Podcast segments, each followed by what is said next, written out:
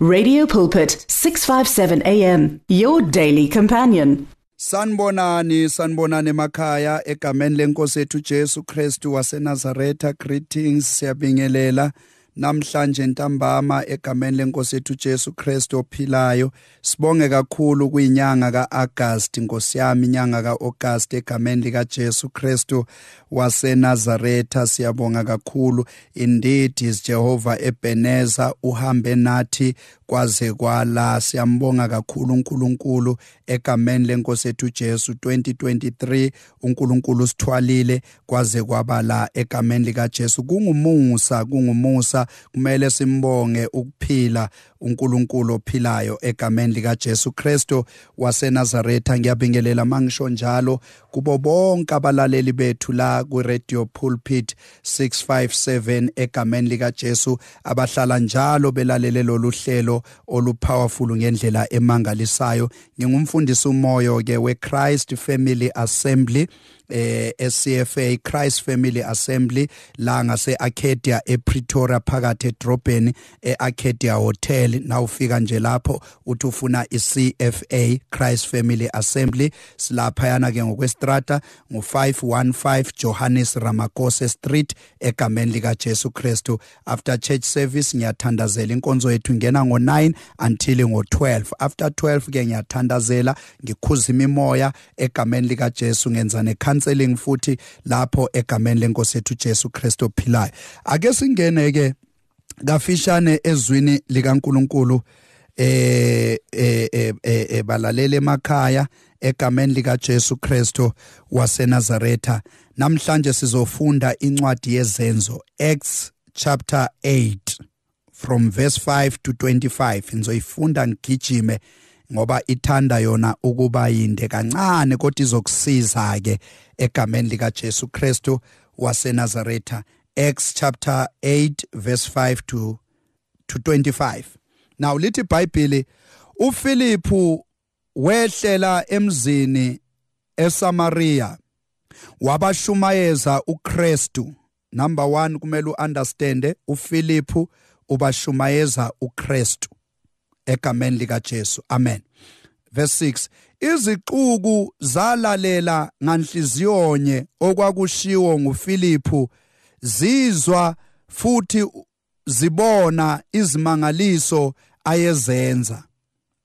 Verse 7 kwaphuma imimoya engcolileyo kwabaningi ababenayo iphuma imemeza ngezwi elikhulu kwaphiliswa abaningi abafe uhlangothi nababeyizinyonga kwakukhona ukuthokoza okukhulu kulowo muzi. Verse 9 kwakukhona indoda ethile igama layo kunguSimoni eyayikade yenza imilingo kulowo muzi. Number 1 mfuna uunderstand i difference uFiliphu wayesenza imangaliso. Kodwa uSimoni wayesenza imilingo ngoba kunomahluko phakathi kwezimangaliso nemilingo. Yes. Imangalisa abantu abaningi baseSamaria izishaya umuntu omkhulu. Babemnaka bonke kusukela kwabancane kuya kwabadala bethi lo ungamandla kaNkuluNkulu abizwa ngokuthi makhulu. Verse 11 babemnakile ngoba isikhathi eside wayebamangalisa ngemilingo yakhe ayeyenza. Verse 12 kepha kwathi ukuba bakholwe ivangeli elashunyayelwa nguFiliphu ngombuso kaNkuluNkulu nangegama lika Jesu uKristu babhabhadiswa abesilisa nabesifazane. uSimoni naye wakholwa esebhabhadisiwe wamlandela uFiliphu emangaliswa izibonakaliso nemisebenzi emikhulu yamandla ayeyenzeka kuthe lapho abapostoli eJerusalema sebezwile ukuthi abaseSamaria balemukele izwi balemukele izwi likaNkuluNkulu bathumela kubo uPetro noJohane. Kuthe sebefikile babakhulekela ukuba bamkele umoya ongcwele. Ngokuba wayengakehleli nakoyedwa kubo kodwa babebhabhatiziwe egameni lenkosi uJesu kuphela. Verse 17 ngakho ke babeka izandla phezukwabo base bamkela umoya engcwele. Kepha uSimon esebonile ukuthi ngokubekwa kwezandla zabapostoli abantu bamkela umoya waletha imali kubo. Wathi ngipheni nami leli gunya ukuze yilona loyo engibeka izandla phezukwakhe amkele umoya ongcwele. Verse 20 kepha uPetro wathi kuye isiliva lakho malibhubhe kanye nawe ngokuba ucabanga ukuthi isipho sikaNkuluNkulu singathengwa ngemali. Verse 21 awunasabelo nalifa kuleli ilizwi ngokuba inhliziyo yakho ayilungile phambi kukaNkuluNkulu. Ngakho ke phenduka kulobu bubi ukhuleke enkosini hleze ikuthethelele umdlinzo wenhliziyo yakho. Ngokuba ngiyabona ukuthi ugcwele umona futhi uyisigqila sobubi. 24 uSimoni wasephendula ethi nginxuseleni. Nina enkosini ukuze ngingehlelwa yilokhu enikushilo. Kuthe sebefakazile balikhuluma izwi lenkosi basebebuyela eJerusalema bashumayela ivangeli emizinaneni eminingi yabaseSamaria yizwi lenkosi leli abalaleli emakhaya uNkulunkulu akalibusise izwi lakhe baphile emoyeni. Abantu bakaNkuluNkulu bagcwale ngoKristu Jesu ophilayo. Now lithi iBhayibheli uFiliphu uFiliphu wayengomunye wabafundi bakaJesu. uJesu athi uma esenyuka eya ekhaya emazulwini bonke bemgqolozele ngamehlo bembheka ekhuphuka engena emafini.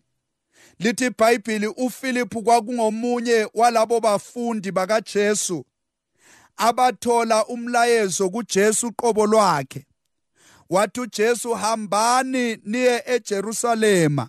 Uma nifika lapho hlalani ningasuki nize nembathiswe ngamandla.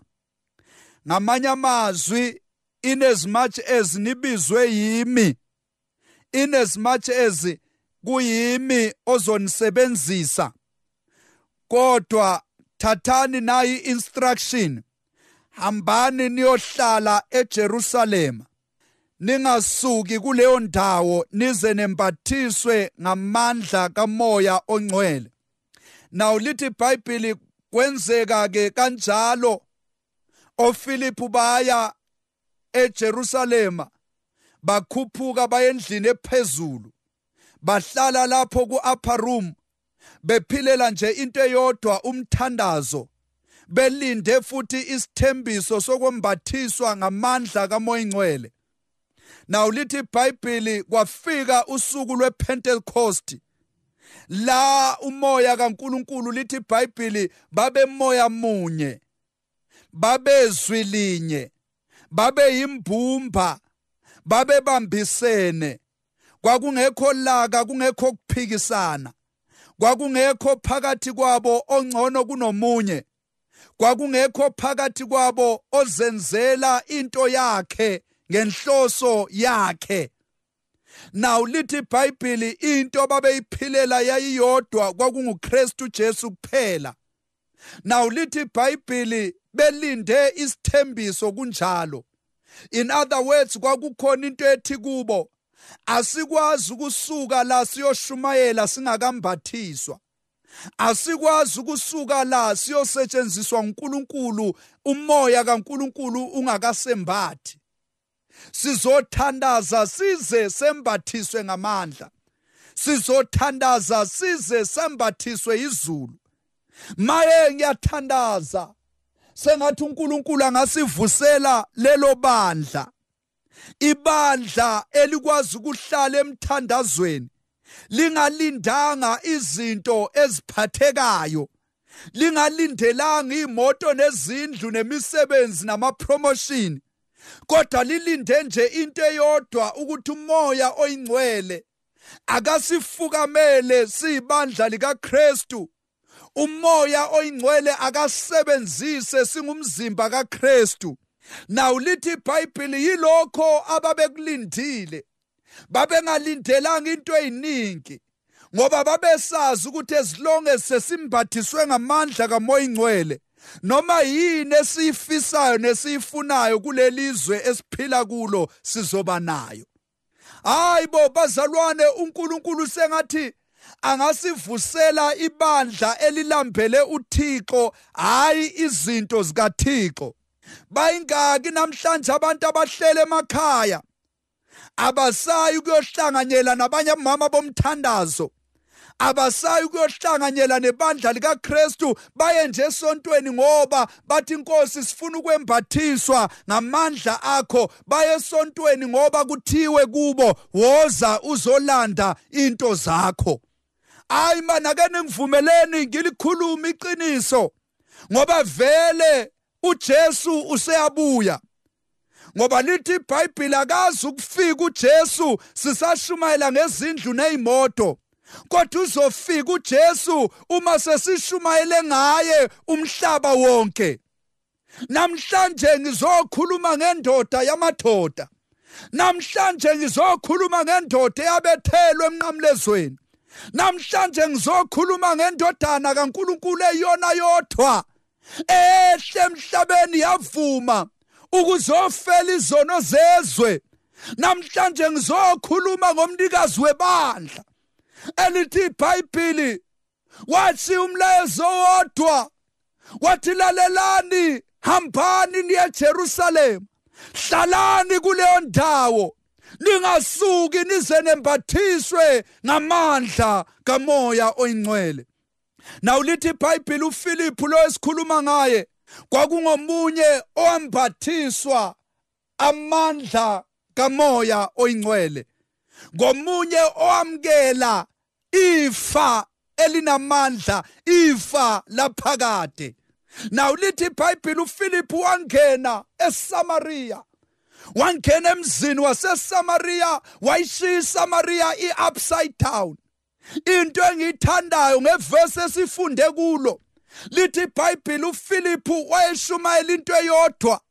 Imessage kaPhilip yayikhuluma ngoJesu Kristu. Imessage kaPhilip yayingashumayeli ngayo uPhilip kuncane abantu ababekwazi ngoPhilip kodwa babesazi ngoJesu ashumayela ngaye. Kwasho ukuthi uJesu mawufakaza ngayo uyazambula lithi iBhayibheli uJesu wazambula ngamandla amakhulu wenza imangaliso phakathi kwabantu uFilipu zazingenziwa nguye zazisenziwa ngulo ongaphakathi kwakhe lo omembethe lo ashumayela ngaye. Ngoba uma uJesu esekwemphethe ayikho enye into oshumayela ngayo ngaphandle kwakhe. Hayi man bazalwane ngathi ilona lo kusukela namhlanje angangena ezitradini zakubo angene kubo makhelwane angene emateksini angene emabhasini angene ngisho yonke indawo emsebenzini amemezela into eyodwa athi uJesu uyabuya maranatha. uJesu uyabuya maranatha. Ashumayele nje ivangeli eliyoguqula abantu libasuse ezonweni libafake ekuphileni okunaphakade. uFiliphu ushumayela uJesu. uFiliphu ukhuluma into eyodwa. Uthi uJesu ungualpha uJesu ungu omega uthi is the same yesterday today and forever. Nayi imessage kaPhilip wayengaguquki yonke into ayekhuluma ngayo. Wayethi uJesu uyindlela uyiqiniso uyikuphila okunaphakade uPhilip ukhuluma nje into eyodwa. Uthi uJesu kiyena wamathomo kiyena wamafelelo. Jesu kialpha kiomega. Philip khuluma imessage eyodwa.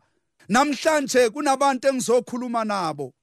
Abangilalela abasemakhaya ukuthi ake ibandla libuyele endaweni yalo elizomkhonza ngeqiniso nangomoya elizoya esontweni ngisho kungasekho ubufakazi. Ngoba lamalanga emasontweni makuke kwathuliseka kwadlula amasonto abamabili abamathathu. Kungekho umuntu ofakazile phambili ukuthi uthenga indlu uthenga imoto kukhona othola umsebenzi khona othola umshado. Kube ngathi lelo bandla akukho kusebenza kamoya ingcwele hayi lalelani bazalwane. Sometimes umoya ingcwele ukabambe izinto zasezweni aziveze yena. Athi manje ngifuna ukukhulisa nina. Manje ake ngime ngezimoto ngezi izindlu nakho konke okunye okuphathekayo abantu abafinyelele kulazini iqiniso abantu bashunyayezwe ngoJesu. Now lithi iBhayibheli uPhilip washumayela uJesu baphiliswa abantu ishosha zaphakama ithulu zezwe endlebeni impumputhe zabona imungulu zakhuluma abafile bavuka abantu bathi nali ivangeli. Abantu bathi siyamfuna uPhilip la khona. Lithi iBhayibheli kusenjalo. Kulelo dolobha. Kwakukhona indoda eyayikhohlisa abantu igama layo nguSimon lithi iBhayibheli lendoda yayisenza imilingo yayingenzi izimangaliso yayisenza imilingo ngoba kunomahluko phakathi kwezimangaliso nemilingo.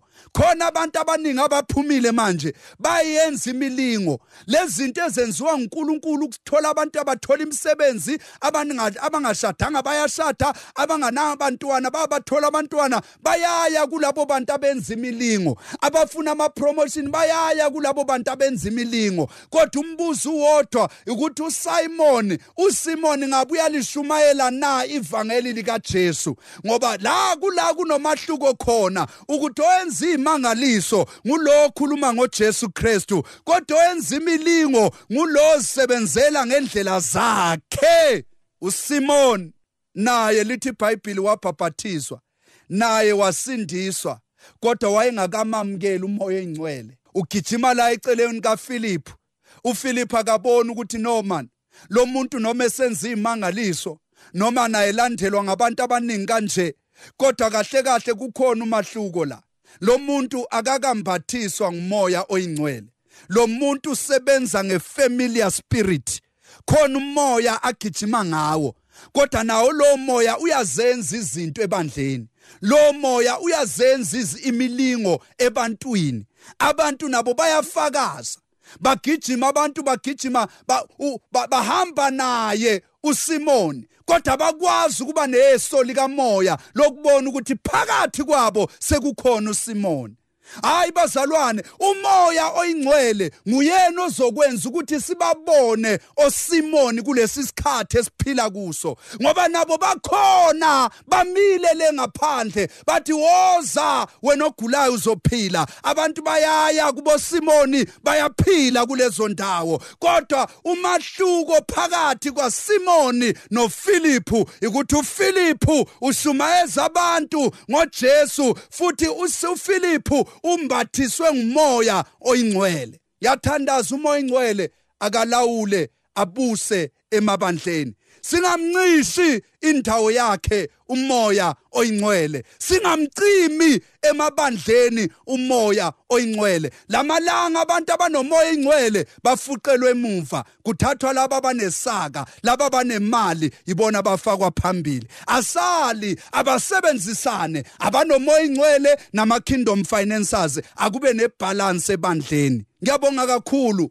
balalele emakhaya. Ngizothi mina asembathiswe ngumoya oyingcwele. Ngiyabonga kakhulu uNkulunkulu anibusise egameni lenkosi yethu Jesu Kristo waseNazaretha. Siphinde sihlangane futhi kulolu hlelo Radio Pulpit 657 next week on Saturday ngo9 ngiyaqhubeka ngendaba yami kaSimon God bless you. The words of the Lord are words of life. Your heart is on 657 AM. 657 AM. Radio for believers in action.